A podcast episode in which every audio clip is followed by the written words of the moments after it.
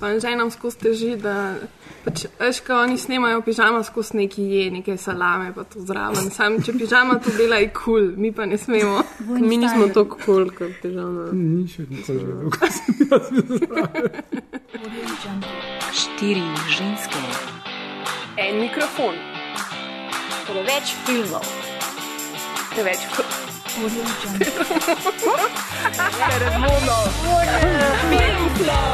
O filmu govorimo, dokler ne teče kri.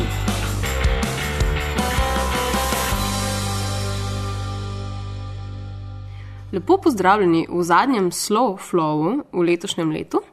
Tokrat smo za vas pripravili prav posebno cinefilsko debato, na koncu katere boste izvedeli, kateri so najboljši filmi letošnjega leta. Na sobotno decembrsko popovdne sta se nam tule v kinoteki pridružila MMC-jeva filmska kritičarka Ana Jurc, živijo Ana, Yeah. in Igor Harp, ki v filmih piše za vikend in še verjetno uh, druge stvari počne. Za marsikaj. Za marsikaj. Ja, že.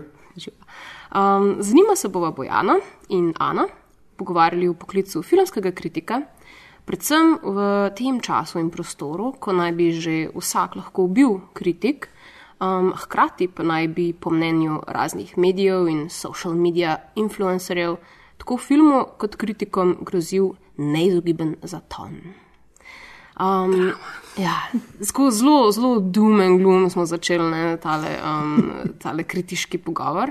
Um, ampak sva pa z Ano pripravili en par citatov, ki bo mečkam razvedril um, tole atmosfero. Um, pa pač zaradi tega, ker se mi zdi, da nam, da nam tudi utegnete biti zelo koristna za orientacijo te debate. Um, tako da, Ana, kar povej, um, kateri je tale prvi citat. Ja, prvi citat je seveda uh, od Marcela. In sicer iz enega ekrana iz leta 2007, kjer so imeli tematski sklop o filmski kritiki.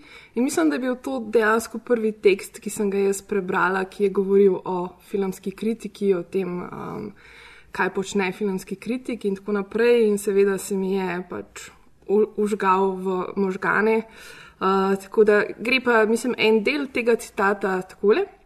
Filmski kritik si vedno lahko zastavi tri vprašanja. Prvič, zakaj je postal filmski kritik? Drugič, zakaj je filmski kritik? In tretjič, zakaj kljub temu, da slejko prej naleti na slabe filme, na serije slabih filmov in na slabe sezone, ki bi v drugih kontekstih iztirile stoletja države in umetnosti, še naprej ostane filmski kritik.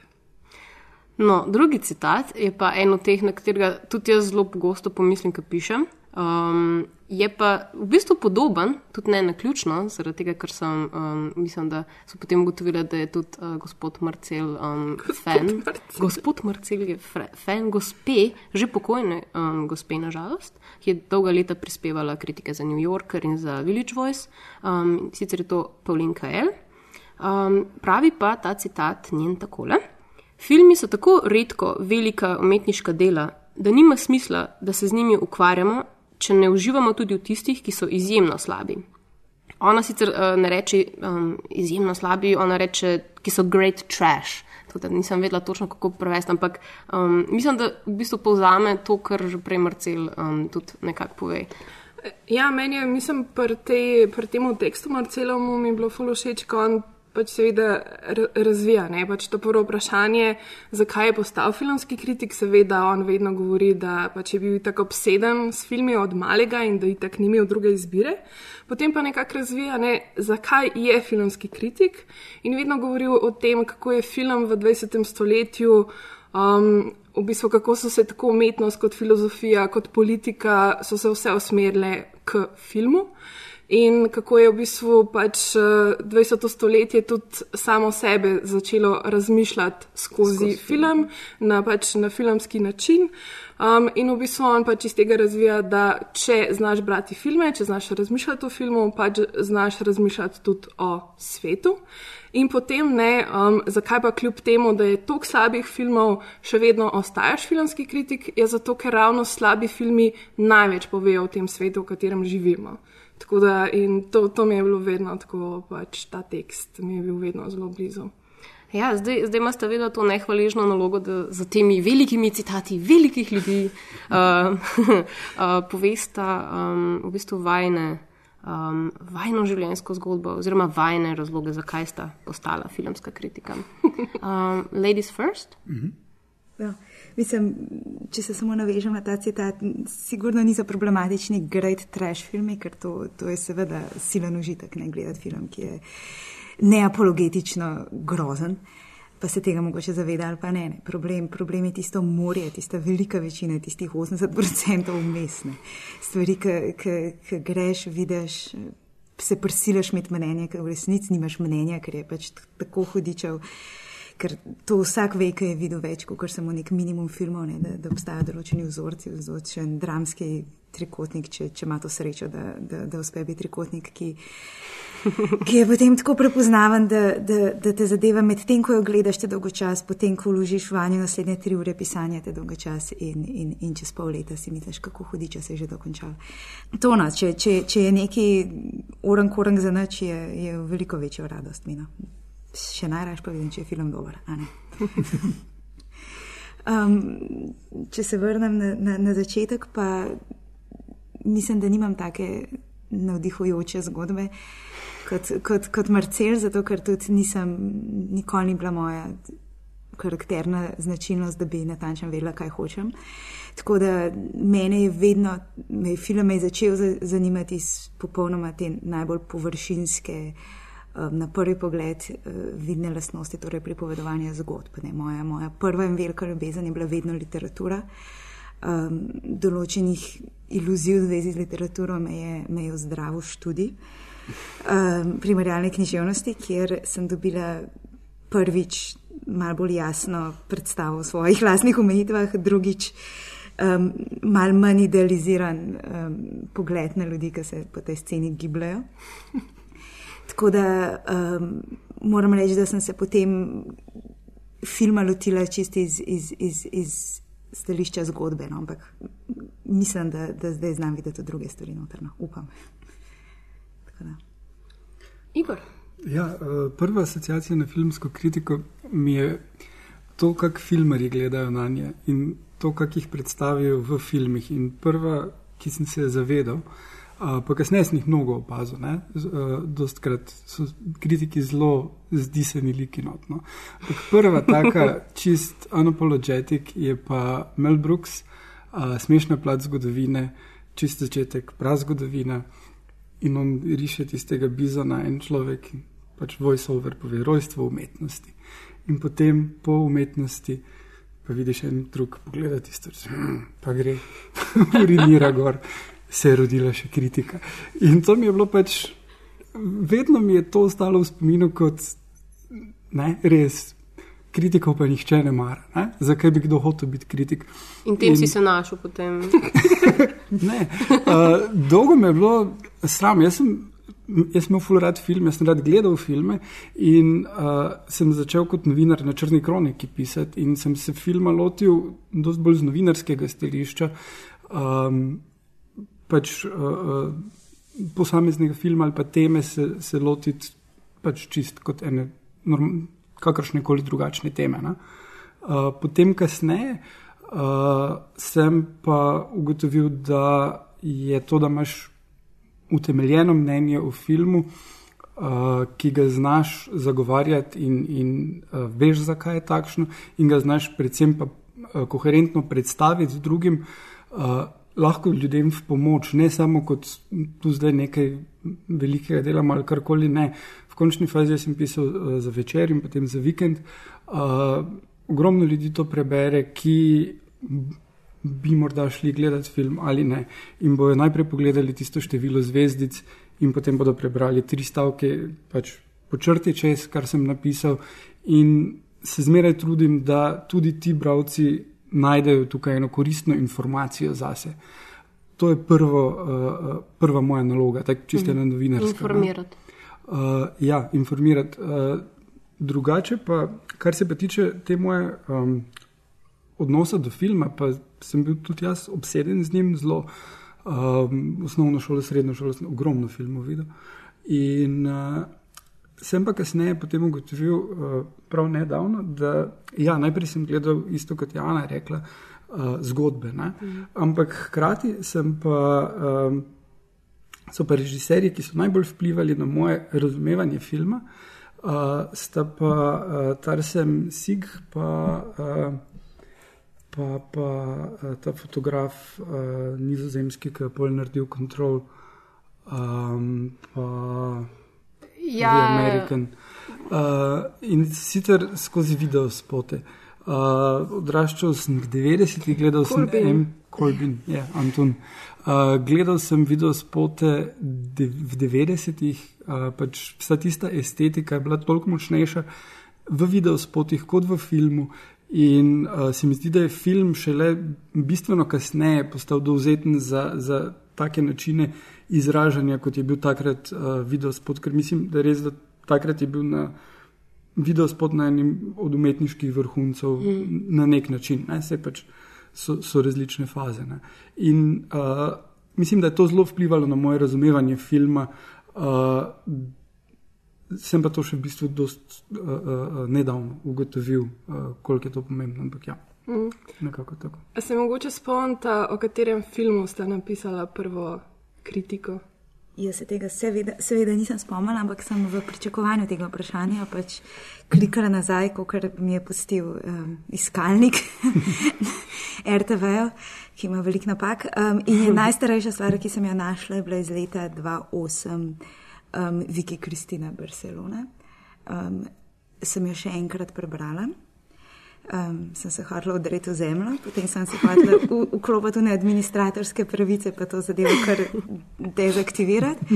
Um, na kar sem se potrudila biti malo bolj optimistična, pa, pa sklenila, da no, vse je mogoče, tudi če se mi zdi, da sem to vedno jaz, ki imam vedno isti glas, pa mogoče ne morem onkraj svojih omejitev, ampak očitno sem nekaj mogla napredovati, ker pač zdaj o tem filmu ne bi več na tak način pisala, ampak upam, bi kako drugače. To je super, ja. mislim, da vidiš, da si naredil en korak. Tega iz enega tedna do naslednjega ne moreš videti, ampak v osmih letih. Mogoče bi mogel tudi Woody Allen gledati na stvari na ta način. In to reči, ne da sem rekel, da ja, to pa res ni več dober Woody Allen. Kaj sem takrat vedela, kaj še, kaj še, kaj še pride. Ne? Tako da bi, bi rekla, super, v bistvu. Super. Kaj pa ti? Um, ja, prvi tekst, ki se spomnim, da sem dolgo delal na njem, pa ni bila kritika, ampak je bil um, članek o temi, ki mi je bila zelo zanimiva, je bil 13. bojevnik. Uh, in to sem napisal za večer, takrat članek, uh, preden je film vam prišel, predvsem uh, na osnovi knjige in tega, kaj pričakovati. In, uh, ne vem, če poznate to zgodbo s 13. bojevnikom, ker je tak. Uh, Jo potem uh, burger uporabil v uh, ruševinah. V bistvu, d, uh, Michael Crichton si je zmislil, da je našel uh, manuskript uh, islandski, stari in potem je naredil roman, potem, potem kasneje še pač film posnel. Uh, in um, v bistvu je Beowulf malo priredil in je rekel, da pač je proti Beowulf ali karkoli in ljudje so mu verjeli. Uh, napisal je tudi, not, da je to vem, na eni univerzi našel in tista univerza ima na spletni strani. Prva stran je njihove, ne, nismo našli tega. to si je krajko zmislil, mislim, dolgo časa smo mislim, zdaj že prek tega prišli. No, v glavnem, ta le 13. bojevnik, to je bila taka zgodba, ki mi je bila zanimiva in bilo hecno, potem filma sploh nisem uspel videti v kinu, ker uh, takrat so še bili mestni kinematografi in če nisi tisti teden prišel, je potem bilo premaknjeno v Šiško, potem nisi uspel v Šiško priti, bilo. Si mogel v Maribor. Ja, ne. Uh, in zelo dolgo nisem tega filma videl in ni bil, bog ve kaj. Um, sem pa potem prav uh, recenzije, pa um, se spomnim potem, ko smo pisali za, za večer, ko smo njihovo prejšnjo TV prilogo postavljali, sem napisal en kup demo verzij, kak, da smo ugotavljali, kak bi bila postavitev in smo imeli projekt kontra rubriko in sem imel uh, obe uh, stališči za Odisejo 2001, da je to najboljši film vseh časov in da je popolno bup, da ne gledati. Uh, to je bilo pa tako eno To je pa kar bil izziv. Ja, ja. Um, Ne oboje je res. ja, uh, Odiseja je čudovit film, ampak če ga gledaš na TV-ju, uh, malem TV-ju, slabo kvaliteto in pretiho, boljše kar zaspati. Mm. Kaj pa ti, Bojana? Oh, um, Ne vem, nisem se pripravila na to vprašanje. Tako da v bistvu ne vem. Uh, Verjetno je bilo še v um, diaških časih, za, mislim, da ta časopis, kaj, kaj smo imeli. Um, ker verjetno niti ni bila, krit, mislim, je bila kritika. Jaz sem imela pač to um, emuliraj Marcela Štefančiča, pač to je bila moja šola. Pač, kot pač, ne vem, mladi režiserji začnejo um, posnemati Tarantina, jaz sem bila pač itak tako. Pač, imela sem to lokalno knjižnico, v kateri sem pač ugotovila, da, so, da ta cela stena, ki je posvečena filmu, je basically tri četrt, pa so teksti Marcela Štefančiča. Uh, tako da niti ni bilo zdaj, a veš, nobene res izbire. Čeprav pa sem zelo hvaležna, ker sem vse predelala in um, tam sem začela. No, tako da ne, ne vem v resnici točno, kaj je bilo. Tisti filmi, ki so bili takrat, so bili, uh, nekje okrog 2005-2006, ne Nek, nekaj od tega je bilo, um, ampak ne bi upala se. Mm. Zdaj, Ja, jaz sem tudi začela tako pisati, da sem klev kinoteki bila na eni delavnici pač pisanja filmske kritike. In že takoj so nas tako ubili s tem, ko so nam dali zapisati v Mulholland Drive, kar se seveda res ni dobro končalo. Um, vem pa, da prvi tekst, ki sem ga pa dejansko objavila v reviji, je bil pa um, My Blueberry Nights od Vunk Karvaja. Ja, to se spomnim, zato ga imaš v um, okviru nekje na steni. Zavedno. Jaz, jaz ful nisem na tak, ja, jaz, jaz sem ful tako tretirala, te svoje tekste, po mojem, pač tako. Eh. Pač mislim, še, vedno se mi zdi, da se učim, pa vedno se mi zdi, da se ful spremenja, ker ni, ne, vem, ne vem, če imam pač prav, veš, svoj glas ali pa nekaj takega. Um, in, in, in tako da nisem, niti, niti ne morem reči, no, da, da, da sem imela več. Um, vem, da, da, bi, da bi zdaj lahko rekla, da to je pa zdaj moj, moj začetki, so tukaj pa zdaj, veš, zdaj sem pa napredovala, kot recimo um, si ti Ana rekla. Ne. Meni se zdi, da še, še vedno pač nekje tam plazam, nekje in iščem. Kako se to dvoje se ne izključuje. Ja, to je tudi, tudi, tudi res. Ja. um, zdaj, seveda, ni kar vsako pisanje v filmu že tudi kritika. Um, zdaj, glede na to, da pri nas trenutno filmske kritike ni moč študirati, niti filmske teorije um, smo vsi na nek način bolj self-made, um, predvsem v smislu, da smo si kriterije pravzaprav izbrali in oblikovali sami. Ne. Zdaj, glede na to, kaj je vplivalo na nas, ne. ti, če si študirala pač, um, vsaj en primerjalno književnost, si imela verjetno pač literarno kritiko, um, ki ni. Po, ni isto, verjetno, kot pač filmska kritika. Zdaj, ne. Ni, ne obstajajo, verjetno, isti kriteriji za um, pa ista te teoretska podlaga za to, da se. Um, Ampak zihar ti pa lahko pomaga ne, pri tem, kako se lotiti. Ja, imaš, imaš, imaš neko urodje, s katerim pač lahko pristopiš verjetno k kritiki na. Ja, literarna kritika na faksu se, saj, mislim, zdaj je še celo mogoče malo bolj hands-on approach, pa mora dejansko, meni ni bilo treba niti pisati literarnih kritik uh -huh. v kontekstu faksa. Zdaj mislim, da jih je treba, ampak, ne, ampak tam te učijo potem eh, točke glavne Mihajla Baktina in njegove teorije romana, to je pač seveda zelo dobro za širino duha. Um, praktična aplikacija je pa težka, ne, o ja. karnivalskosti in, in, in, in, in teh zadevah.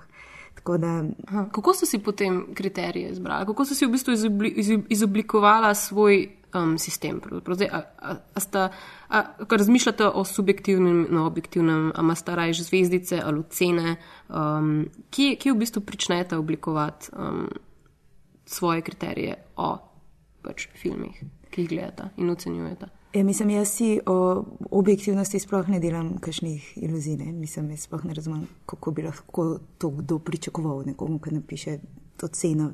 Jasno, jasno, da ne moreš vani sebe, ne? da bo to vedno zelo subjektivno, tako da se s tem niti ne, ne, ne obremenjujem. In jaz si zelo želim, da ne bi bilo treba dati zvezdic, ker je to skoraj skor arbitrarna stvar. Ne? Ti pač poveš, kar hočeš povedati v vseh tistih 12 odstavkih, a se zdaj to svodi na štiri ali na tri ali na vse vseeno. Ampak kar je Igor omenil, pač zelo veliko ljudi ne moreš tudi nujno od vsakega pričakovati, da bo zdaj se temu tako zelo posvetil, kar si ti napisal, ampak hoče pogledati naslov, pa, pa sklenta je to zelo za, za, ja, ne, proti, kot zvezdic. Ne. Tako da v bistvu poskušam zdaj misliti na to, da, da mora biti na začetku ali pa na koncu, da moraš narediti nekaj vrste saže, tako kaj je tukaj hotel pesnik povedati. No? Ne, ne samo čist popolnoma zablodati v svoje. Čeprav najbolj zanimivi teksti v filmu so seveda tisti, ki so pač na pol na tri četrte seji, ne? ki so v bistvu izhodišče za nek drugačen razmislek. Za, ne, se Marcelovih kritik nikoli ne bere za to, da bi zvedel, kaj je v filmu. Ker težko ne, ne, ne prideš daleč. Um, ampak ne moš pa vedeti, kaj delaš, ne, kaj je tvoja služba. Pač moja služba je mainstream medij, ne, moja uh mhm. -huh. služba ni strokovna revija o filmu. Ne. Osnovna je ekran, tako da um, jaz mislim, da, da je pač to, da si user-friendly, pa da napišeš nek sinopsis, tudi je pač del del tega, kar je v pismu. Kot nek no. courtesy v bistvu do bralca. Ja, ne. Mm. Da, da, da ne padam čisto neko svojo tangento asociacij preveč. Čeprav bi bili to lahko super teksti, ne, če bi jih nekdo dobro napisal. Mm -hmm. ja, uh, kar se subjektivnosti, objektivnosti tiče, se jaz trudim z neko objektivnostjo zaradi širokega nabora bralcev, ampak ne, vsekakor so subjektivni teksti, ampak se, prva stvar, ki se vprašam, je, uh, komu je ta film namenjen, kdo bi dejansko bil zadovoljen z, njihov, z njegovim ugledom. Ne? In zdaj, recimo, če gledam uh, en otroški film, eno risanko. Ne, uh, ja, jaz nisem zdaj ciljna publika za Zutropolis. Petletni uh mhm. -huh. otroci so. Kaj bojo petletni otroci od tega odnesli? in kaj bojo njihovi starši. Uh, troli so recimo še bolj tak primer. Ne? Troli so, ni, ne? Nič, nič, nič od nič ni. Ne? Ampak če si tri leta star, uh mhm. -huh. je veliko barv, se je veliko lepe glasbe in ti je to povsem dovolj, je neka moralka noč. Arabijo triletni otrok, ful zdaj več. Ne, ne. Kak se pišem pa to za starše, ker triletni otroci pa ne morejo brati. Uh mhm. -huh. Tako da to bo starši prebrali, bo videli, aha, zdaj dobro do šest let stari otroci bojo zadovoljni s tem filmom, ga lahko ali jo lahko peljemo. Kako se bom pa jaz v tem filmu počutil, da vse te bom. Uh, in uh, ne vem, ali pa uh, Angry Birds. Uh mhm. -huh. Sem recimo priporočil bralcem, da naj pač igrajo Angry Birds na telefonu odraslim, ker od tega filma pa res nič ne morejo odnesti. Hkrati pa zaradi tega močnega brandinga bojo določene otroke težko ne peljali v kino. Uh mhm. -huh. Mislim, to bi tudi treba potem gledati. Ni za res slab, da bi zdaj povzročil neko škodo tvojemu otroku ali pa da bi otrok bil res nezadovoljen. Mislim, čisto kaj mogoče bo tiste uh, um, ptiče gledal. Uh, Um, a je to film, recimo, pa sem prepričan, da pa otrokom sploh ne bo všeč, ker je uh, v bistvu zbirka kratkih filmov, ki postane uh, ponavljajoče zdaj cajt. In tam pa potem rečem, ok, če to ujameš na TV-ju, kasneje enkrat, v redu, poglej. Hmm. Je, to je isto, kot je bilo ono iz uh, 80-ih, ampak zdaj pa, da bi svoje otroke peljal v gled, kakšne risanke sem pa jaz gledal, ne, dolg čas jim bo. Ne. Tako da pravim še vedno uh, take, uh, take stališča upoštevati. Um, in pa tudi pri vseh ostalih filmih, zdaj če je art house ali pa horor. Ne? Če je horor film, ki nima glih nekega hudega plota, ja, se nobenega nima. Ne? Kaj pa recimo, kaj pišete tudi za, o dokumentarcih, ne, za to mm. rubriko dokumentirane? Mm. Mogoče kako pa tam pristopate? Ker tam pa ima tudi ta rubrika točno nek določen namen, ne, da poskuša na nek način mm. spodbuditi ljudi, da si grejo te dokumentarce tudi pogledati? Um, ja, tu pa tako delujemo čisto uh, ljubiteljsko in potem sem na mesec po polni vrsti, uh, si izberem tisti film, ki me tistim tem času najbolj pritegnil ali pa se pravim spomniti, kater me je. Uh, recimo za naslednjo uh, bom zdaj pisal, naslednji teden imam ravno uh, Springsteen in jaz, uh, ki je film, ki je pač čist drugače narejen da je en kup ljudi posnelo svoje mnenje o Springsteenu in potem je Ridley Scott to skupaj zmontiral. In je v končni fazi zelo, zelo lepo izpadlo, sploh za sprejetje Springsteena. In pač tudi to je treba napisati, potem članek, da če nisi fan Springsteena, ti bo pa to malo dolg cajt. Mm.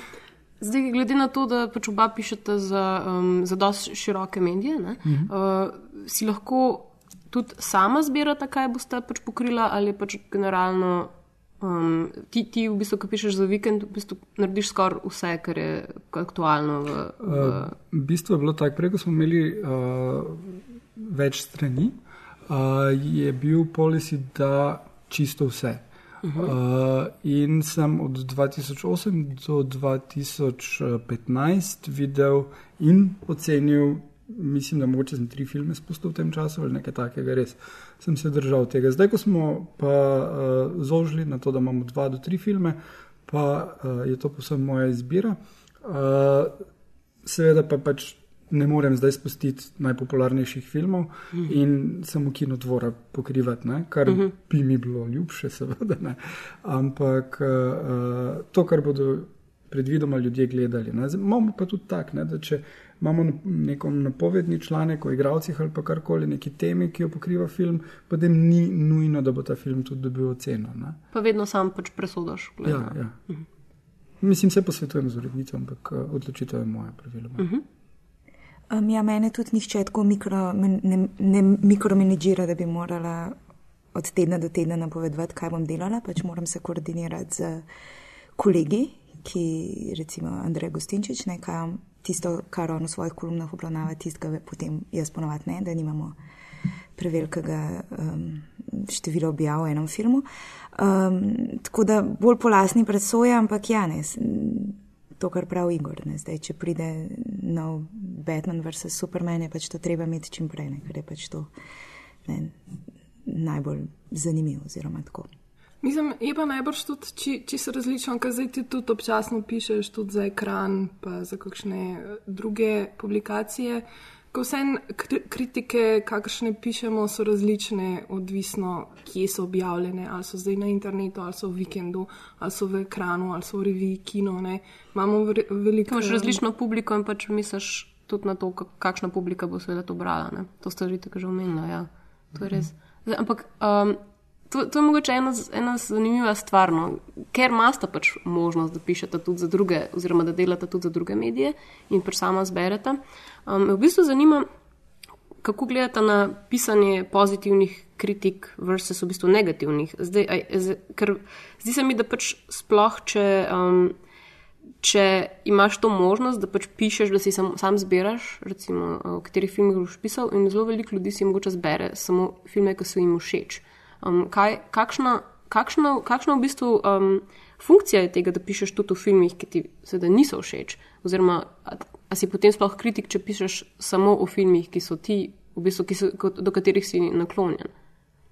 Ja, razumem. Mislim, seveda je najlažje ne, je pisati do, o filmih, do katerih imaš močna čustva. Torej, če ti je nekaj zelo všeč ali če ti je nekaj zelo ni všeč, uh -huh. si daš pa lahko po drugi strani velik duška. Um, to tudi vidim, mogoče, da sem s časom um, uspela stvari videti, ali pa učim se stvari videti na manj črno-bel način, v, v smislu, če si neki pripravljen odpisati, ah, da je za noč, ampak mogoče. Vse en razmisliš, ampak kaj je pa bilo v redu, da, da, da poskušaš mogoče, ne, vse je bilo pač to ljudi v tem videu smisel, smisel in, in uložil napor, da pač razumeš samo pridati mim, pa pač pokroviteljsko odmahan za roko je tudi um, mogoče ni prav pristop. Jaz prej je bila omenjena Odiseja 2001, to je bilo tudi eden mojih, ne kritik, ampak eden mojih zgodnih filmskih člankov, je bil nek seznam um, desetih najbolj precenjenih um, filmov v zgodovini, kar sicer seveda ni isto kot najslabši, ampak ne. In mislim, da sem dala Odisejo 2001 na prvo mesto in sem zelo nonšalantno napisala, pa dobro, tiste gorile. Mislim, kar česa, česa tazga zdaj pač ne bi naredila. Mislim, pa ne samo zato, ker, ker, ker bi se bala mesati iz tako, iz tako mm -hmm. referenco kultno, ampak čisto samo zato, ker. Um, ne. Si videl v kinu. moraš, mogoče moraš, moraš um, tudi malo svoj ego znati krutiti, no? da, da pač ni mogoče tvoja prva asociacija nujno ali pa ne, vtis nujno tudi čist pravilen. Um, ja, to je še bolj uh, pomembno pri lokalnih filmih, ker zdaj, če jaz zdi film Michaela Beja, Michael Bay ne bo o tem nikoli nič zvedel, ja. distributerju je povsem vseeno, mm. uh, ker pač je Michael Bay film.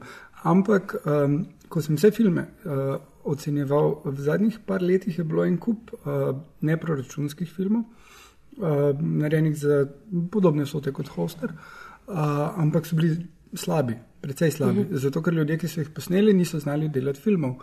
Uh, ker pač Marčetiču in, in ostalim se vidi, da so res veliko že delali in res razmislili o tem, kaj delajo. Um, Medtem ko ti ostali filmari pa so se še učili.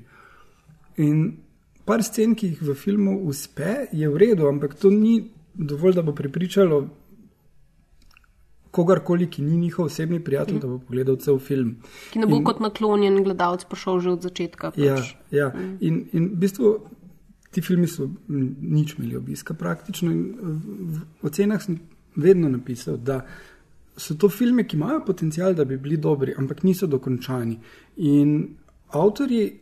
V redu, razumem, da na eni točki moraš reči, ne morem več delati na tem projektu, ali pa ne bom šel znova delati, ker pač določene stvari niso uspele.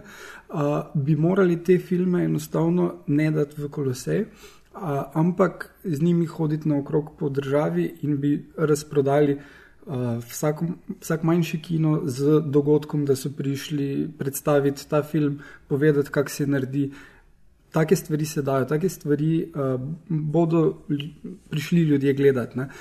Problem, pa, kot sem kasneje izvedel pri dosti teh filmih, pa je to, da dobijo uh, sponzorska sredstva, uh -huh. in, ki so vezana na to, da bo film prišel ven v kino in uh, tudi določen čas. Uh, zato tudi niso nekateri med njimi bili dokončani. Uh, v bistvu videti, kot da niso dokončani, ker je bilo februarja, moramo biti v kinu s tem, taki sponzorji, rekel, oni so nam dali denar. In to mislim, da je tudi ena od pasti, v katero se pri Hoster niso uh, uh, padli. Ne. Čeprav jaz mislim, da je vseeno problematično, da včasih um, slovenske filme merimo z drugačnim vatlom, kot kar tuje filme. Ne, pač to, kar si rekel, ne, pač nih, nihče nima nobenih pomislekov predspluvat um, Michaela Beja, ne da zdaj brana Michaela Beja, seveda. Ne. Medtem ko slovenski film, pa niti ne govorimo o teh gverilskih ne, projektih, ki imajo pač določeno vrednost že v tem, da so pač prišli do te točke, do kjer so prišli, ampak pač ležit slovenski filmi, posneti z ne, sredstvi. Um, in potem, recimo, mislim, si vidiš, ko bereš ne, te glavni mediji, ki morajo seveda to pokrivati, ne, časopis, dnevnik delo, čistko. In potem vidiš nekaj kritika napisana, kako se kritika ogiba temu, da bi se, da bi se soočila, Objanskila, da bi ja. se soočila s tem, kar je pač pred nami, torej, da ta film ni dober, ne, čeprav je to pač spoštovan režiser, ampak da je posnel sranje in potem piše v prvih treh odstavkih o produkcijskih pogojih in o teh zadevah in o prejšnjih projektih in o kako ga je on prvič spoznal in mislim, či zanimiv članek, ampak na koncu potem pa ja, nekateri skeči niso čisto dodelani, cc, na koncu pa hitro v dveh odstavkih pač nekaj ne zelo pohvalnega napišemo, ampak we gloss over it. Ne. In to, ne, po eni strani jaz vem, da sem sama tega kriva, da sem že kdaj, ne da bi napisala kaj prijaznega, pa obenem mislila kaj slabega, to ne, ampak da, da, da bi recimo nek film in sem rekla, ne, sploh, sploh se ne bom v to spuščala, ne bom jaz tega recenzirala, vzamemo tisto recenzijo, ki je bila na radiju, pa, mm. se, pa s tem to upravimo. Odpikimo, ker, ker dejansko iz prve roke ali pa iz prvoosebnih anegdot mm -hmm. vem, da pač dejansko so osebne zamere. Mislim, vem za, za zgodbo, kako je pač nek znan slovenski režiser enega filmskega kritika poskušal na neki pač družabni prireditvi napast. Kar je, kako, vemo tudi pa ne samo v filmu, ne se vemo potem, ne, se gledališkim kritičarkam za, za, za, za šamari in embargo te grozine. In, in, in potem vidiš tudi kakšne. To so spet gledališki režiserji, potem grejo v neke take Facebook rente ne, in potem tukaj, potem avtomatično se pa še element seksizma zraven zbudi, ne, da, da, da ti punca, kaj pa ti to veš, ne, sploh, ne, boš pa mogla še, koliko si pa ti filmov posnela, mislim, od, od, od kdaj je pa to, kakršen koli kriterij. Um, Ja, tukaj se lahko znajdemo, pač, mislim, sploh zdaj, če imaš tudi prijatelje ali pa ljudi, ki, ki poznaš, ki so režiserji ali pa se s filmom ukvarjamo, je, je vedno, vedno, mislim, da že do začetkov verjetno um, te debate film versus uh, filmski režiserji oziroma kritiki, ne, imamo isto debato, ki gre pač. Um, Ti pač ne veš, kako je narediti film, ne? ti nisi avtor, ti v bistvu manj tvegaš kot jaz. ne. Um, Sigurno. mislim, da tudi dobim doskrat občutek, da um, kot prvo je ta očitek, da ti ničesar ne tvegaš, če pač spluvaš moj film. Um, po drugi strani pa um, imam občutek, da tudi mogoče režiserji včasih mislijo dejansko, da ti postaneš kritik zato, ker pač iz nekih um, zlobnih namenov, zato da boš pač nekomu uničil kariero ali pa da, boš, da boš pač pljuval po stvarih. Ali pa ker si sam frustriran umetnik. Ne, ja, seveda, seveda, nujno tudi to ne. Mislim, da točno to je bila turn, uh, turnšek. Trušne vrec, pa burger debata na eni točki, ste se čist resno sprli. Mislim, pa res ne vem zakaj. Mislim, uh -huh. okay, se nisem strinjal z tem, z Trušnevčevo kritiko filma, ker pač sem čist drugače gledal ta film, ampak vse pač. A za kjer film kritika so to? je subjektivna. Um, Cirkus Fantasticus. Ampak točno to je potem Burger očital Trušnevcu, ki je napisal, da pač Cirkus Fantasticus ni dober film. Ampak zdaj spet, uh -huh. Cirkus Fantasticus je zelo poseben film. Meni osebno se zdi najboljših filmov slovenskih ever. Ne? Ampak nekaterim se pa Arheus zdi dober film, ki pa se meni zdi pač pravno. Ali pa tudi, če, če uh -huh. kamero nekam postaviš, pa ljudje hodijo mimo. Uh, uh, ampak pri takih filmih pride do takih mnenj in, in ja. Uh, Osebno pa jaz nisem nikoli pleten, ti si bila kdaj? Mislim, bila tera od vas že kdaj upletena, da bi vam prav kdo reagiral na. Mislim, ne, da bi, mi, da bi mi kdo kam pošiljal mene v brez, ampak pač eden od recimo uh, treh največjih uh, distributerjev slovenskih so me potem, ko sem napisala pač par neprijaznih um, kritik o njihovih filmih, so, so, so prišli na idejo, da, da, da imam njih na piki, mislim, kdo hudiča pa gleda, kdo film distribuira. Ja. Kakšne... Distributer tudi, ja. ja. Uh, mislim, da je film me poklical, pa me vprašal, zakaj so njihovi filmi v zadnjih tednih dobili toliko cen. Mene so pa samo pač naredili ja. nek tretji, tretji osebni, pač ogromen, dolg um, status nekje in potem so me pač črtali iz vseh povabila, kar sicer se vsem, se lahko film vidim brez da me povabite, ja, tako da pač to ni važno, ampak na tej mehni sceni boste tako malenkostni, ali kaj. Plus filmi so bili pač objektivno gledani za nič, tako da mislim, nisem bila zdaj, ne je šla zelo proti toku. Mislim, meni se to dejansko zdi eden največjih minusov, no? da mi res nimamo dobre kritike domačega filma. Ne? Da so, mislim, da, da. To je problem, sigurno. Mislim, naša majhnost nam v bistvu. Dej, če si ti človek, ki hodi na, ali na premjere ali na festivale um, in si bodi si kritik, bodi si režiser, bosta te dve osebi na neki točki skupaj nekako prišla in se boste osebno spoznala. Mislim, zelo veliko je ljudi, ki se pač um, namenoma seveda izogiba temu. Ne? In uh, mislim, od kritikov um, z režiserja ne vem, verjetno, ampak tudi verjetno ne iščejo prav posebej. Da si ti kritik, pač povej mi, zakaj si to pa to naredil. Um, ampak um, zdi se mi, da pač moraš, moraš nekako pri sebi potem tudi to črto potegniti. Uh, zdaj smo prijatelji, ne, recimo.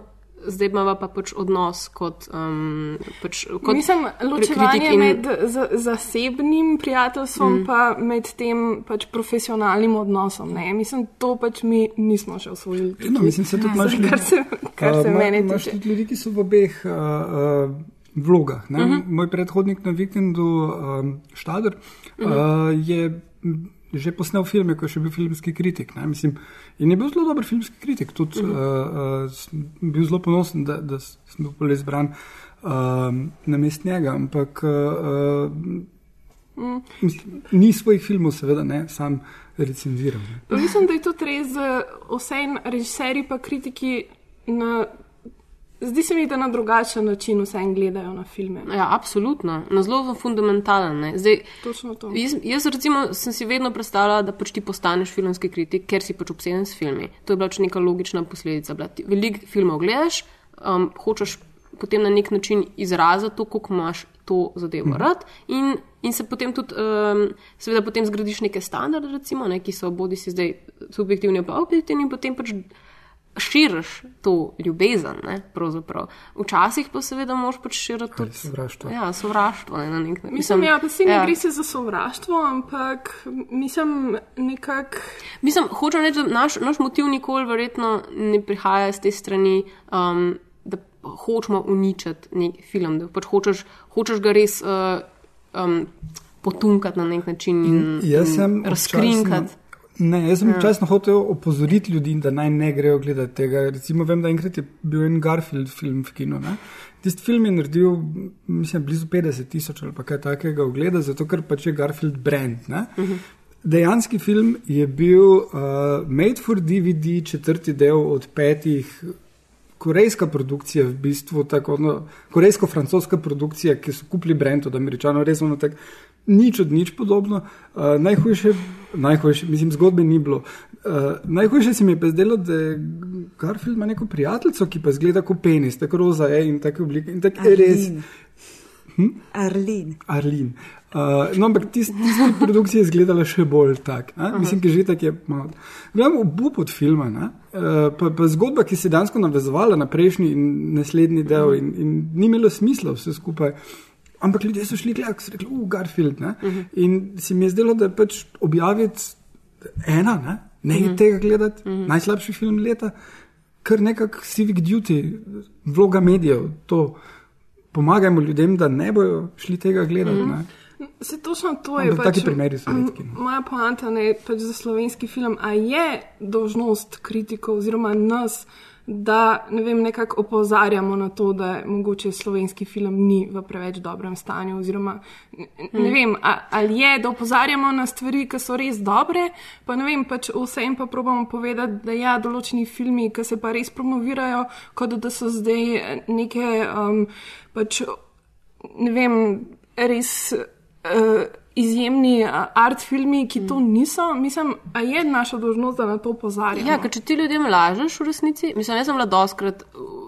V, v tej situaciji, ko sem šla gledati film s publiko, recimo, zdaj, recimo zaradi te, tega položaja, ker imamo pač možnost videti filme prej zaradi festivala, pač slovenskega filma, um, mm. kot pač um, selektori, nimaš istega občutka, seveda. Ne? Potem, ko ga gledaš z ljudmi, takrat še res dobiš občutek, da mi je bil všeč, ali, ali pač kakšna je atmosfera tam. Ne. In um, se je pač pri teh filmih, zdaj, ki se jih spomnim zadnjih let, se mi je zgodilo, da pač pridejo ljudje res navdušeni, bila je ful pač tudi medijska, seveda, um, um, um, pač, uh, cela kampanja je ja, pač zelo ne, navdušujoča in potem ljudje seveda hočejo videti ta film. In potem odidejo in si pač mrmrajo med sabo, ne, to pa pač ni bilo dobro. Ne, kaj, prav res pač ta, ta mm. občutek. Ne. In se mi zdi, da če jim ti daš takšno izkušnjo, ne boš pač slovenskemu filmu kot celoti nobene usluge naredil. Čeprav pač pridejo. Pokroviteljsko, da v bistvu, da gledajte, to podpirimo uh, slovenski film, mislim, ja, načeloma, ampak ne za vsako ceno. Mislim, kaj, kaj, kaj, kaj potem, mislim potem dobri filmi niso več vredni, če je vse dobro. Mislim, mm. to je... Točno to, kar se pol zgubi, res, mislim, kar se spregleda tisto, kar je res dobro. Mislim, vse je pol isto. Yeah. Ja. Pač, vsi slovenski filmi, ki jih naredimo, so dobri. Mislim, mm. oziroma, mm. pač, mi potem lahko lažemo o tem, kako je to nedefinirano pač ja. območju v resnici. In pa nima nobenega smisla to, kar počnemo. Sploh se mi pa zdi, sovraštvo ali pa pač nevolja do filmskih kritikov popolnoma nesorazmerna z njihovim dejanskim vplivom.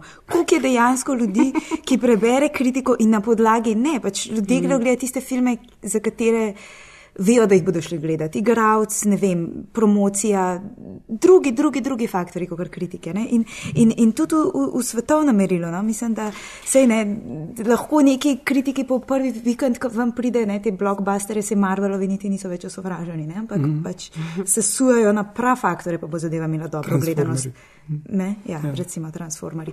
In je tukaj, po mojem, popolnoma zanimivo, no? kako se v bistvu uh, industrija lahko užal, pa zmotijo neki taki palčki, ko v bistvu na, na, mm. na globalno mašinerijo sploh nimajo. Ravno zato se mi zdi še bolj pomembno, da smo pač iskreni, pa da povemo pač stvari, pač, da rečemo, ne, to ni dobro, ne, mislim. Mm.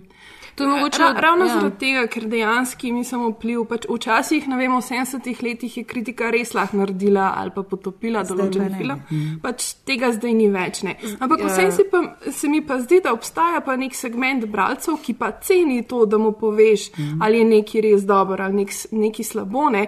In mi se mi zdi, da pišemo za te ljudi. No? Mislim, ne vem, saj jaz imam tak občutek. Zdaj pač to je ta v bistvu vprašanje, zdaj, ali lahko ti prepričaš nekoga, ki je že prepričan. Zdaj, um, tukaj pač, če ti, ti recimo ne delaš potem nobenih dramatičnih valov ne, na, na ta način. Recimo, da, kako doseči ljudi, ki ne želijo biti doseženi, to je v bistvu pač vprašanje. Ne. Zdaj, nekoga, ki, veš, ki je, um, recimo, če zdaj govorimo o slovenskih filmih, ki ne boš šel nikoli gledati slovenskega filma, pa ga ti pač hočeš kao prepričati, pet pogledati, ker je pač ta vreden tega, da gre gledati, ampak ga pač po nekem defaultu ne boš šel gledati. Ne. Um, to, to je po mojem tisto, tisto vprašanje, kako pač. Dobro, to je, to je vprašanje ne za filmske kritike, ampak je to vprašanje za marketing uh, filma. Mhm. Mi podamo svoje mnenje svojim bralcem ali gledalcem, kakorkoli. In ljudje, ki nas spremljajo, uh, se bodo na osnovi tega odločili, ali pa tudi ne. ne?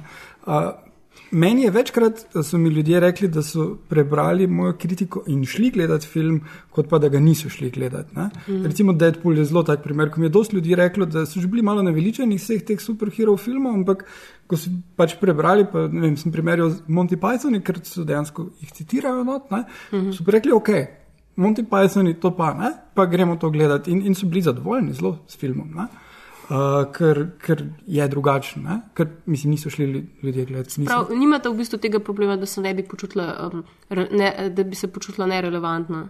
Zdaj, v, v, v tem času, ko recimo, ne vem, k, so filmi, oziroma za marketing filma lahko zapravijo več kot za, za to, da sam film mm -hmm. naredijo. Ne? Recimo, pa za Oscarske kampanje in to. Um, vedno je svet šlo že roko v roki, pač to, ne, kampanje in pač kritiki in se jim nekako izmenjevalo, veš, koga boš zdaj nekako poslušal, ne, kdo bo zdaj nekako zmagal. Ne. Um, ampak zdaj, zdaj pa sploh z demokratizacijo medijev, recimo, ne, ki imaš pač um, možnost prebrati kritike od ljudi, ki pač. Ni, ni nujno, da sploh veš, gledajo filme, ki so mogoče komentarji in anonimni komentatorji, pa boš vseeno nekako se naslonil tudi na njihovo mnenje če si pač nek povprečen no, gledalec. Se to je bilo že, to, to pa že odvedno. Ne? Zdaj pač je dosti več takih komentarjev, ampak uh, si bil zelo znan primer, mislim, v 90-ih, ko so filmski studiji izmišljenega človeka, izmišljenega filmskega kritika pisali na, na trailerje. Uh -huh. uh, mislim, zdaj pozabo. Neko ime so si izmislili, mediji so si izmislili in so pač lepili gor na, na vsak trailer in uh -huh. filmski studio. In to so delali več let, preden so jih dobili. Uh, Uh, in ljudje so zaupali, ko je pisalo Magnificent tam. Ja, se zdaj pač to, da lahko v bistvu vedno najdeš pač dost, za vsak film dost mhm. pozitivnih, mm -hmm. zato da jih lahko ti na popa še ja. meni se zdela, še posebej duhovita se mi je zdela pa tista iz pet, bomo omenila Batman vs. Superman, ki so naredili tak plakat ne, z, z najboljšimi citati, ocenami in potem je bilo tako na sredi bil Silhueta, na, najbolj Batmana in je bilo potem mm -hmm. tako Guardian in je bila dve, ena zvezdica, dve zvezdici, potem je bilo pa vmes je bila pač ta Silhueta in je pač to implicira, da so v zadnji še dve zvezdice, so štiri ja. zvezdice, ampak Guardian je dal temu filmu dve zvezdice. Niti zlagalce nisem, ampak to se mi zdi genialno. Meni se zdi v bistvu ta demokratizacija je. Mislim, da je v prvi vrsti dobra, ker včasih je bilo ne, ne vem, en časopis, ima enega svojega filmskega kritika, ki je sicer tja prišel po svojih zaslugah, ampak ta oseba bo tam 20-30 let, dokaj ne gre v pokoj in potem bo ena druga oseba dobila glas. Ne. In zdaj, kar naenkrat ne, imaš, imaš možnost se v bistvu takoj dati svoje pisanje ven in to je pa nek proces meritokracije. Pač, če, če si dovolj dober, te bodo mogoče ljudje brali ali pa upoštevali. Seveda pa, seveda pa to pomeni pač noro inflacijo nekega trušča, ki najbrž ne pomeni zelo veliko. Ampak jaz, jaz, jaz si ne delam nobenih iluzij o, o, o relevantnosti. Meni se zdi včasih večkrat, ker ne se mi zdi, da, da je ljudem najbolj všeč, um, če imajo priložnost, ne kar pa če jaz delam na internetu, te čudovite kontrapcije, ki ima, ki ima komentarje ne, in da so lahko pač najbolj srečni, da imajo neko istočnico, da mi povejo, kako neumna sem. Ne, da, je to, da je to dosti bolj skoraj cenjeno, kot če bi se strinjal s tem. No, pa pri vas še, uh, kako, koliko korakov, da pride do druge svetovne vojne?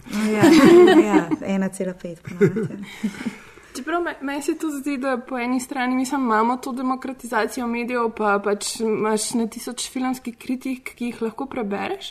Ampak vse in pa pol se mi zdi, mislim, če si nek tako mal bolj resen film govor, si pa vse najdeš, ne vem, neke unaj tri, štiri ljudi, ki so za te sitone ki ti mm. predstavljajo. Mislim, ker vse en pač internet je povzročil to, da imamo spet malo to potrebo po kuratorstvu, pa da nam nekdo pač ob vsem tem, ob vsej tej kulturi, ki obstaja, pove, kaj pa se res plača prebrati, pa kaj res pogledati, pa pač kaj res mm. je to gledališče pogledati. Tako da iz tega vidika, mislim, se to skozi mal menjuje, ne pa postaja tako spet malo nazaj bolj pomembno, da spremljaš neke kritike, ki jim zaupaš, ki imajo mogoče tebi tudi podoben okus. Mm -hmm. Ne vem, ki ti pač vedno odkrijejo neke tudi um, nove vidike filma.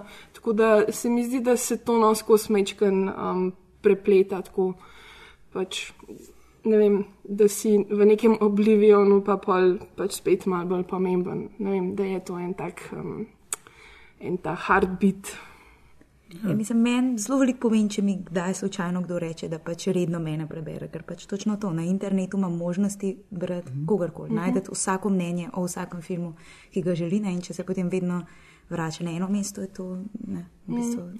Mislim, meni se to zdi pač najlepši kompliment od vsega, če nekdo prebere tvoj tekst in ti reče, da je šel zaradi tega teksta pogledati film. In mm -hmm. sploh pa pol, če mu je bil ta film še všeč, to je pa sploh pa tako največja nagrada. Ja, ali pa tudi, če ti reče ne in se ne strinjam s tabo, zato pa to, pa to, pa to. Mm -hmm. uh, to tudi blazno cenim, ker, ker se zelo rad pogovarjam o filmih in mi je všeč, če ima nekdo uh, tudi diametralno nasprotno mnenje. To, uh, mislim, na uredništvu imamo dost krat take mm -hmm. debate, k, recimo z urednico Matejo Košir, ki tudi uh, je, je filmofilka, uh, pa tudi dost piše za nas. Ona uh, ima glede številnih filmov zelo drugačno mnenje kot jaz. Ne? In je vedno super debata. Uh, in reče, ja, razumem, zakaj si to napisal, ampak ne, jaz pa sem te pa te mm. stvari videla. No, Take stvari uh, so mi zelo všeč. Uh, eno stvar sem se spomnil, zdaj vmes, če se lahko malenkost nazaj vrnem. Uh -huh. uh, kritika slovenskega filma, um, tvoj kolega Gustinčič, um, njegova recenzija Inferna. Eh, Mödrendorferjevega, mislim, da je zlat standard te, to, kak mora biti to. Ker dejansko uniči film čist, ker film je slab, zelo slab in je namenoma slab, zato ker pač. Ne vem, če je namenoma slab. ne, mislim, da je namenoma slab, zato ker je Mödrendorfer všeč tak film, ampak problematično se mi zdi, da je Mödrendorfer v veliki manjšini ljudi, ki jim bo tak film všeč. In on je naredil dober film po lastnih standardih, uh, ampak uh, Gustinčič zelo dobro razloži, zakaj vsem ostalim pa to mogoče ni všeč. Ne? Ker recimo, um, če furi uh, Raus. Je pa slab film po vseh standardih. Ni, mislim, da niti uh, Vojnoviču ne more biti všeč ali komorkoli, ki je sodeloval pri tem filmu, more pogledati to z neko distanco in reči: Glejte, ne, tu pa res smo za nič igrali. In, kamere, kar neki in ti dialogi. In kaj, kaj nam je bilo, da smo to sploh naredili. Medtem ko Inferno, pa mislim, da Mrdorfer lahko posem stoji za tem filmom. Ampak. Mislim, da Gostinčici je tukaj, da je s pridom uporabil svojo malo pozicijo outsidera, ker on je velik strokovnjak za ameriški film, pa vem, da se on načeloma ne lo, loteva sistematičnega pokrivanja slovenskih filmov, ker pač prav, da to ni tok njegova domena in da tukaj je pa. Um, Sočutno uh -huh. poklican, da je to pač imel tudi tukaj malo drugo perspektivo, ne čiste, o kateri smo prej govorili, ne, da se počutiš. Mislim, kritike danes da, eh, niso več zgolj uh, pisane, ne? Mm -hmm. mislim na, pač v revijah ali uh, recenzije na internetu, ampak obstaja cela vrsta, mislim, recimo video eseji, uh, kratke pač filmske kritike, tudi podcasti, pa ti si, de, si kar precej doma v vseh teh različnih oblikah. Mm. Pa me zanima, mislim, odkje je mogoče najprej ta potreba, da posegaš po vseh teh različnih medijih. Pa, pa mogoče malo več uh, o tem, kako sta um, z ženo, ne, ki je mm. tudi zelo velika uh, sinefilka, sta odprla svoj YouTube kanal, kanal Harp mm. to Harp, kjer sta začela objavljati videe, pač kratke kritike oziroma napovedi tedenske, plus neke instantnice, tako da mm. če mečkam več, uh, samo tem nam um, poveš. Ja, uh, z. Pač ena stvar, ki jih delam, so uh, ocene, druga stvar, ki jih za vikend pač že vedno delam, so pa tudi uh, napovedni članki, torej, kjer neko temo uh, za prihajajoči film predstaviš.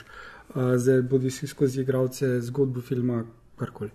Uh, in to vrstni članki so mi v besedah začelo, začeli postajati dolgočasni. In najprej sem tudi, da mi jih je dolgočasno brati članke od drugih, uh, potem sem tudi, da mi je moje članke za sabo dolgočasno brati uh, kot videl, čeprav so bili ti članki še vedno brani. No. Sem pa ugotovil, da uh, se da z video povedati več o filmu kot z, z besedami. Um, in potem sem pač naletel na ogromno video esejev, uh, predvsem pač Tony. Uh, every frame, frame of painting je um, mm -hmm. standard uh, tega, pa potem je, je za jih en kup novih prišlo, ki jih spremljam, Nerdwriter, recimo eden. Uh, Tudi New York Times smo vedno tako da zelo New York Times smo zelo ja. zanimive, ampak so eno od redkih medijev, uh, uh mhm. -huh. ki uh, teh tradicionalnih, ki jim je to ratalo. Uh, Hollywood Reporter recimo dela samo okrogle mize, pa recap gledanosti. Ma.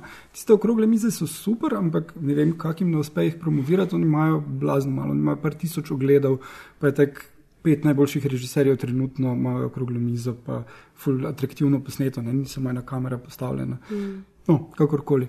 Uh, te stvari so me začele zanimati in začel sem, uh, pač imam željo, da bi delal prave videe, vse dvomim, da bom kdaj uh, tako dober v tem jeziku, kot je Tony, ne? ampak uh, uh, nekako v tej smeri.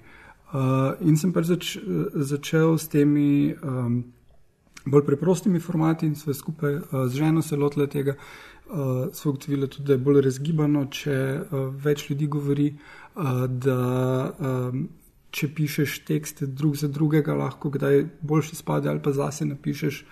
Uh, pa potem drug popravi, v glavnem smo uh, prišli do tega in smo začeli s tem, kaj novo, kino novosti uh, predstavljamo vsak teden, malo to. Potem smo še zdaj te instantnice imeli, ker smo ugotovili, da velika večina ljudi bo gledala YouTube videe po eno minuto in potem bodo izgubili zanimanje, razen če je pač res dobro. Ne? In so tudi videli, da, da neke daljše teme, ki so jih naredila, če so res dobre, je ono tak prvi, deset postov odpade, potem pa drži. Uh -huh. uh, no, pri instantnicah pa pač drži cel čas, ker je nekje okrog pol minute se trudiva, da je. Ne. Prav nekako ste pionirali v, v tem formatu, trenutno pa nas ne zdi. Ja, ja, mislim, da je to zanimivo nam je bilo delati, pa nismo pač uh, čakali, da bo še kdo. Upam pa, da bo uh, še več um, ljudi se tega lotevalo, ker mhm. prek tega. Se razvijamo.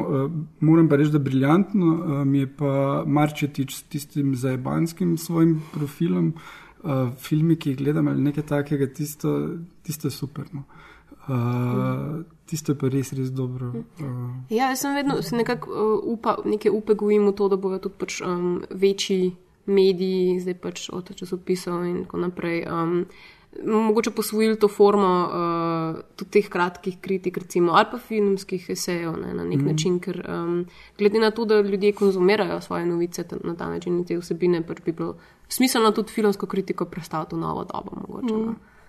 Mislim, da imaš različne opcije. Ne? Mislim, to, to se mi zdi super. Z video se je problem, ker če hočeš res dobro narediti, je to dva tedna dela, teden vsaj.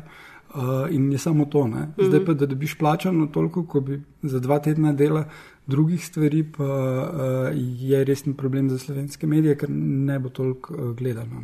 Ja, mogoče so FCR-a kakšen nov razpis. ja.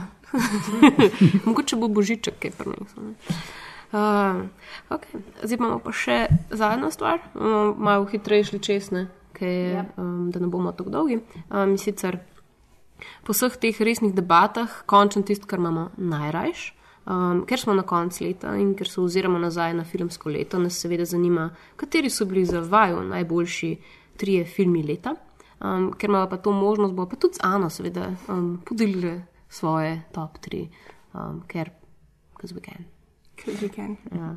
Um, kdo, kdo, kdo ima izrazitega favorita, um, kdo je najbolj navdušen nad svojim top, top filmom leta? Ja, mislim, da moramo biti vsi. ja, imamo kar, kar po vrsti. Ja. Sam, mogoče, bi bilo, ja, mogoče bi bilo to um, še omeniti, ko smo v bistvu prej z Ano ravno ne govorili, da, da res, ni, res je mogoče ta sezona zdaj še sploh ni začela, ne, ker mm -hmm. ne moreš večino filmov, ki naj bi se jih šparali pač za Oscarjevske in tako naprej, pač nagrade še niso bili sploh. Ja. Tako da februar ali kaj. Bo... Ja, tiste zadnje dva tedna pred Oskarji sta potem v kinu ponovno rišence vse spustijo. In... Ja, zdaj so lava en predstavili iz eh, decembra. Na full pozem sem videla na, na, na mar, ja. po. Takoj po Oskarjih, ja. mislim, da. Kaj? Silijo nas, ne, da krademo filme. Pa, pa, pa Trump, pa vse, pa vsa, vsa, ta, vsa ta sivina, pa nam še vedno noče dati muziklov. Pravljice. Ja. Za Silvestrovo je v kinodvoru, tako da mislim, da je to Hmm, potem edina možnost do 15.3. okay. Tem. A ja, a jaz začnem. A, ne vem, za tebe gledam, a veš, kar si direktno sprot mene. Ja, jaz sem um, en film, na katerega sem že skoraj malo pozabila, pa hvala Bogu imam letterbox, pa sem šla lahko malo nazaj po, poskrolati, kaj sem gledala, sploh letos. In v bistvu takoj na začetku leta um, je bil en meni zelo, zelo dober film v žarišču, Spotlight od Toma McCarthyja, um, ki v bistvu je film o raziskovalnem novinarstvu. Pač govori o eni skupini novinarjev, ki je razkrila en zelo velik uh, crkven škandal o zlorabljanju otrok. In Glih je ta ključen film za konc leta. zato.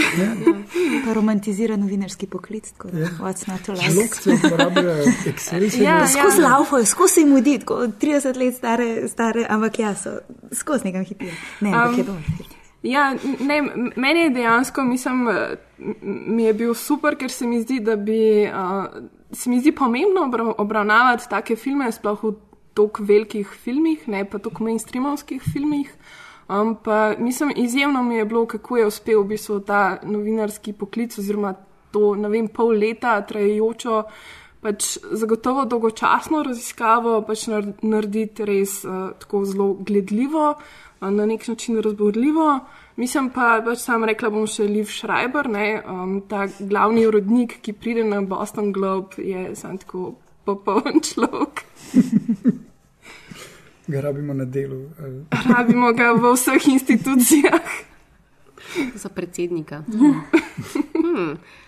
Upam, nas bo slišal. Igor, Ti imaš samo en film. Uh, gremo tako, najprej tretje mesto, pa drugo mesto. A, ok. pa hiter, zaradi tega, ker Dobro. ja, Uh, jaz, moji trije top filmi imajo skupno temo, ki, se, ki je ime Amy Adams. Tako da tri najboljše filme, v katerih je bila Amy Adams letos, ki so tudi vsi trije, v katerih je bila. Uh, in začnemo z Batman, Superman, uh, Extended, Ultimate Edition. Um, film, bil, film, ki je bil v kinu, je, bil, je imel ogromno napak. Film, ki je, se mu reče Ultimate Edition, je tri ure dolg je dost boljši, še vedno daleč od tega, da bi bil popoln. Uh, vseeno pa uh, je bistvena razlika pri book filmih, ker je vizualno ful boljši kot vse, kar je Marvel dal ven in ker ima Wonder Woman, ki kicks in ker ima uh, Amy Adams, ki je najboljša Lois Lane ever. Uh, in pač, okay, jaz, jaz sem ta film dostkrat videl letos, ker sem uh, delal diplomo z Batmanom, tako da obvisli tudi Batman je not. Pa Superman. Ja, Superman se pa igra novinarja, mesto je pa tudi lušno v tem filmu. Hm, mislim, da neka taka rdeča. Uh. Hmm. Medtem ko Amy Adams pa je dejansko, njena Lois Lane je tukaj dobra novinarka, kar običajno je Lois Lane slaba novinarka, ki ne zna nič črtkovati. Tak v, v onem Supermanu iz o, 70-ih, 80-ih, ona cel cel sprašuje, kako se že to napiše, pa come on. Črkovanje pa je neka osnova, ki jo rabiš za Mislim, da ona to dela samo zato, da bi on njej pomagal. Jaz Ne. Demet. Uh, ja, moj, moj prvi, uh, oziroma tretji uh, um, film na lesvici je uh, tudi en, ki sem ga že pač mečkam pozabila, ampak me je um, navdušil, ker pač brata Cohen. Tako da Hail Caesar number 3. Uh, mislim, da smo pa o njemu že kar nekaj govorili, tako da Lahko se nazaj poslušate podcast. Ja. Um, jaz se predvsem strinjam z um, češčenjem Amy Adams, tako da verjetno pr, na, na točki prve, prvega mesta se bova verjetno strinjala. Zdaj na tretjem bi pa izpostavila, um, ker sem jaz pač, moj najljubši žanr so grozljivke, tega sicer oseb še nisem čisto raziskala, zakaj, ampak pustimo. Uh, mislim, da mi je bilo prijetno presenečenje, mi je bil film Don't Breathe, um, ki mislim, da je bil tudi letos na noči grozljivk kot smrt v temi mogoče, um, ki je pač zelo preprost, milijonkrat viden koncept pač hiše, ki te spusti noter, ne pa nazaj ven, oziroma ta home invasion um, z zelo dobrim um, antagonistom, ki je pač slep, kot je vrvica slepa in, in seveda je tukaj ta prizor iz tisto brizgalko za porane, ki, ki pač ga ne pozabiš kar tako. tako da Mislim, da je to tako soliden horor. No. Super. Jaz sem na drugo mesto dala en film, ki sem ga videla na festivalu v Londonu, pa dvomim, da bo k nam prišel. To je film Certain Woman od Kelly Reichardt. Gre za eno um, odlično um, režiserko ameriškega neodvisnega filma, katerih filme pri nas očitno ne bomo nikoli videli. Ker so preveč ameriški ali jih mi ne razumemo, ali nekaj takega. Ne, Ne? ne vem, zakaj um, pač noben od naših operaterjev njen- njenih filmov um, nikjer ne opazi, pobere. Um, je pa, moram reči, da meni je bil Certain Woman zelo, zelo všeč. Gre za v bistvu eno tako um, en kolaž treh tako um, zelo tako ohlapno povezanih zgodb o treh ženskah, ki vsaka se v bistvu spopada z nekimi svojimi vsakdanjimi težavami. In uh, film se dogaja v Montani, tako zelo je ta pokrajina prisotna in neka čista posebna poetika je noter. In tudi o, vse igralke pač odlično odigrajo svoje vloge in sicer so, mislim, da Laura Dern, uh, potem je Michelle Williams in pa uh, Kirsten Stewart, pa še ena um, novinka, pa se zdaj ne bom spomnila njenega imena. Mhm. Tem, Ja, ampak novinka. okej. The New Girl. The New Girl. Jaz se tudi že veselim tega filma, pač videti, kjerkoli ga že pač bom imela možnost. Tako da, hej, Pirate Bay. Um, ja, uh, torej um, Nocturnal Animals, uh, nočne ptice, um, je šel v kinu, Tom Ford ga je naredil. Uh, bil sem prvih intro scena, je, je tako, aha, ja, obvesli. An artist made this. Pol pa, pol pa film preklopil tisto zgodbo v zgodbi, ki se dogaja v Teksasu. In sem videl eno boljšo priredbo Cormac McCarthy romana, ki se je reče No Country for Old Men. Uh, drugače pa jaz sem fan Cormaca McCarthyja in, in ta feeling, ki ga Tom Ford uspe ustvariti v tej zgodbi, v zgodbi, ki ni napisal Tom, uh, mislim, Cormac McCarthy je tako pristno Cormac, da, da že samo zaradi tega bi se zaljubil v ta film, tudi če ne bi bilo vsega ostalega, ki je briljantno strukturirano, mm. izvedeno. Mm, vidiš, me, Ja. me pa ta film res ni potegnil in me tako pač noč.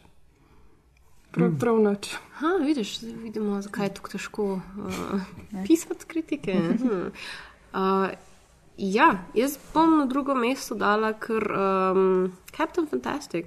Ne Vem, vsi ti filmi so mi bili fulu všeč, ko smo jih letos delali za očitno podcast. Ampak ja, um, imela sem malo problem mogoče letos, ker res nisem toliko uh, sledila um, redni pač, um, ponudbi v kinih. Um, se ne da zdaj pač mi zaradi tega bil, bi bil Captain Fantastic, je manj všeč, ampak um, sam zdaj se mi je, da je bilo zelo lahko zbrati pač um, zdaj te um, prve tri. Uh, ja, ampak kaj naj pač povem še ne? Mislim, mislim da je pač uh, zgodba je, um, napisana za te čase, uh, igralska zasedba odlična in um, tudi nauki iz tega filma bojo še nekaj časa ostali z nami, zdaj pa še bolj verjetno. Pač Meni pa američanom. všeč pri tem filmu, ker res ko je ta, to ravnoteže med res, mislim, nekim takim film, filmom, ob, kateri, ob katerem se totalno zabavaš, ampak ti hkrati tudi zelo velik uh, da. Ja, to je za me v bistvu in za- popoln film. No, tak, Da te um, šele na ti- koncu počaka z neko mm. čustvenim nabojem, ne? da te v bistvu si tri četrt filma je samo zabaven, potem si pa kar naenkrat si pa na, na robu praktično. ne. Ja, to je bil kar. Ta, ta Sweet Child of Mine ne bo nikoli več isti. Ja. Jaz sem, jaz, sem, jaz sem mu pa ravno to zameril, Sweet Child of Mine, uh -huh. zato ker čista gledano, ne, otroci nimajo dostopa do sodobne pop kulture. Ne. Nekaj, kar pa je njuna, oziroma tudi naša pop kultura, čist pop, ne, Sweet mm. Child of Mine, pa je znotraj njihove realnosti, recimo temu, Ja, ne, ja, ja. čislano. ne. Medtem ko ne vem, Eminem pa. pa Grunge, recimo, pa karkoli kasneje. To se povsem strinjam s Lana, tabo. Oni ne, eh, bojo, Rey oni ne niso, morejo ne. imeti tega odnosa. Ne, Sej, do, ja. to, to se mi je zdelo fejkersko z, z stališča uh, njunega, ampak se mm. v končni fazi tudi on ima problem s tem, da se počuti kot da, da je fejker do mm -hmm. tega. No? Tako da ja. mm, Ampak good point. prav. Ja. Uh, moje drugo mesto je Peterson, Jima Jarmuša. Uh, pač v vsakem primeru to režiser, ki je pač a priorno ga verjetno videti. Ne. Jaz Vem, da večna ljubimca je bil mogoče en mojih je ljubših filmov sploh. Ne.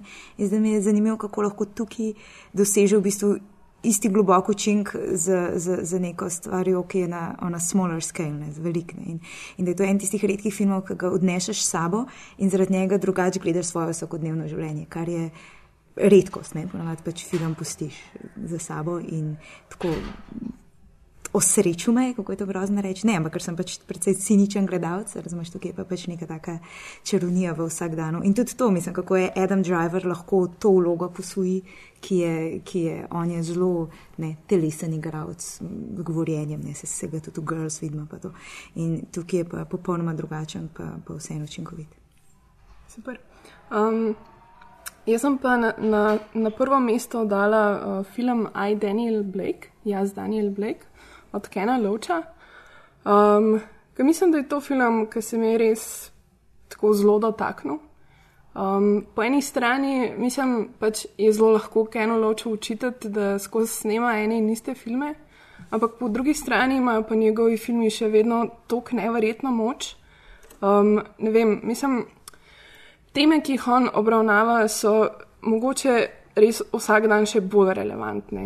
In eh, zdi se mi, da so taki filmi, kot jih on dela, danes ful pomembni, kljub temu, da mogoče ne, vem, ne prispevajo zdaj neki velik tem, da ne, vem, ne raziskuje glih nekega novega filmskega jezika, ampak to, kar zna delati, pa naredi tako dobro, da mislim, da pač sem. Hej, hej, loč. Ja. Um, no, in še tretji, Amy Adams film, Arrival, uh, prihod, tudi trenutno v kinu. Um, tudi en, ki bi ga fulujela rada, ja, zdaj. Uh, ja, jaz sem, jaz sem lingvist po mm. izobrazbi uh, in, uh, in pač uh, to je film, v katerem je glavna junakinja lingvistka. Končno, smo, končno so naredili in film za se.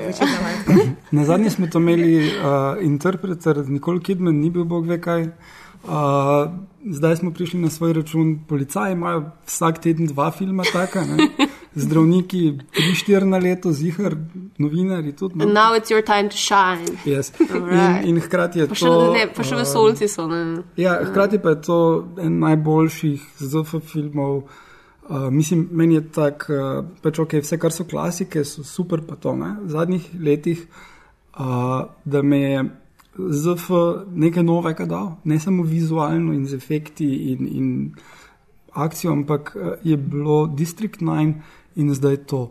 Uh, in to je, mislim,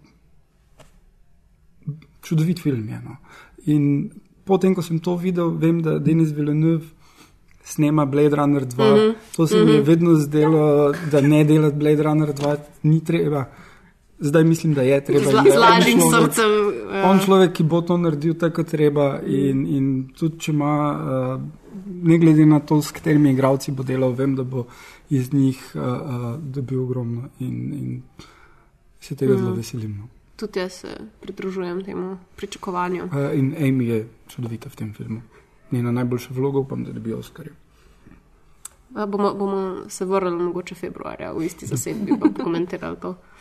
Um, ja, jaz sem pa na svoje prvo mesto v bistvu um, v tem pomankanju um, boljših ali pa ljubših filmov uh, dala kar serijo, serijo kratkih filmov pravzaprav. In sicer Easy, um, Joea Swanberga, um, tega ameriškega indijskega um, avtorja, ki zdaj trenutno mislim, da je eden najbolj uh, zanimivih um, za spremljati.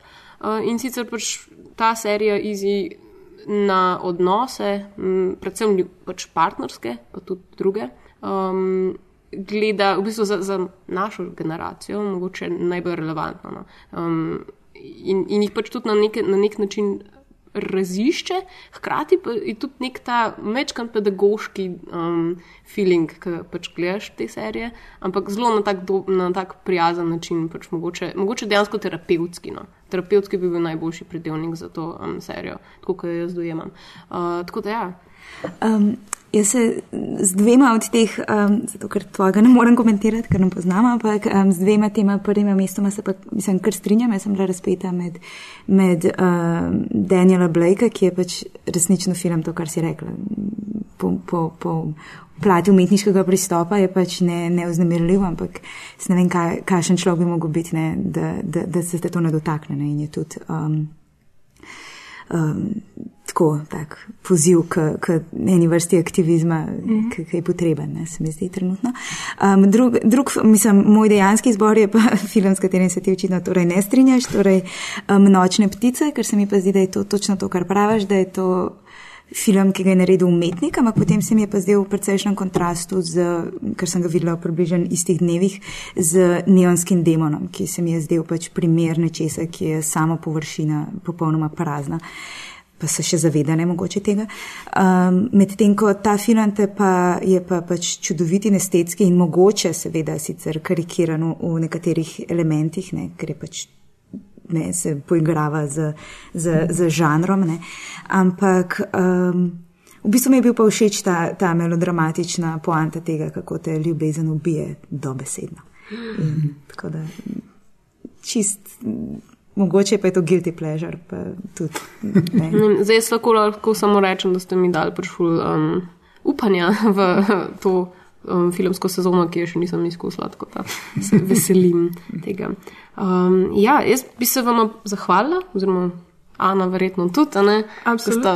Mo mogoče nam lahko poveste, kje uh, vaju poslušalci lahko berejo, uh, na, ki, In na katerih kanalih. Lahko, lahko tudi poveste svoje Twitter um, handle, da bojo um, zagotovo našli. Uf, moji, moji tviti so predvsem v tem, kako vem, se spotaknem, pa padam kam. Ni, ni, niso kakšni posebni pametni filmski uvidi, drugače pa na Ana Jurcija. Um, um, drugače pa ne, na RTV-vi spletni strani, to imamo C. Um, občasno pomagam zdaj montirati, pa delati prispevke za um, Kinofokus, se pravi na televiziji. Ekran je pa zelo, tako, zelo občasno zraven pridem, ampak. Ja.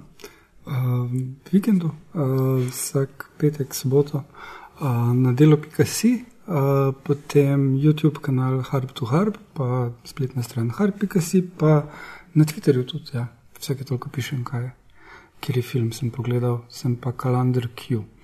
Pa v tisoč in enem podkastu gostuješ. Ja, pa gostujem podcastih, to je zdaj. To bo, bo no, tvoj um, del, ne, karjerna uh, vizitka. Ja. I visit podcasts. Okay. Uh, tudi vi obiščete naš podcast um, na uh, vseh možnih kanalih. Zdaj, da moram izkoristiti Maja, ker um, snema. Ampak, A jaz povem. Ja, kar ti povej. Uh, na aparatus.js, na www.filmflow.js, na uh, Facebooku smo filmflow.tm, pa na Twitterju smo filmflow.tm, pa na Instagramu smo filmflow podcast. To je to. Neč drugega vam ne preostane, kot da greste gledati filme, preberete kakšno kritiko, mi vam pa rečemo um, lep december, pa se slišimo v drugih podcastih. Ciao! Ciao! Ciao.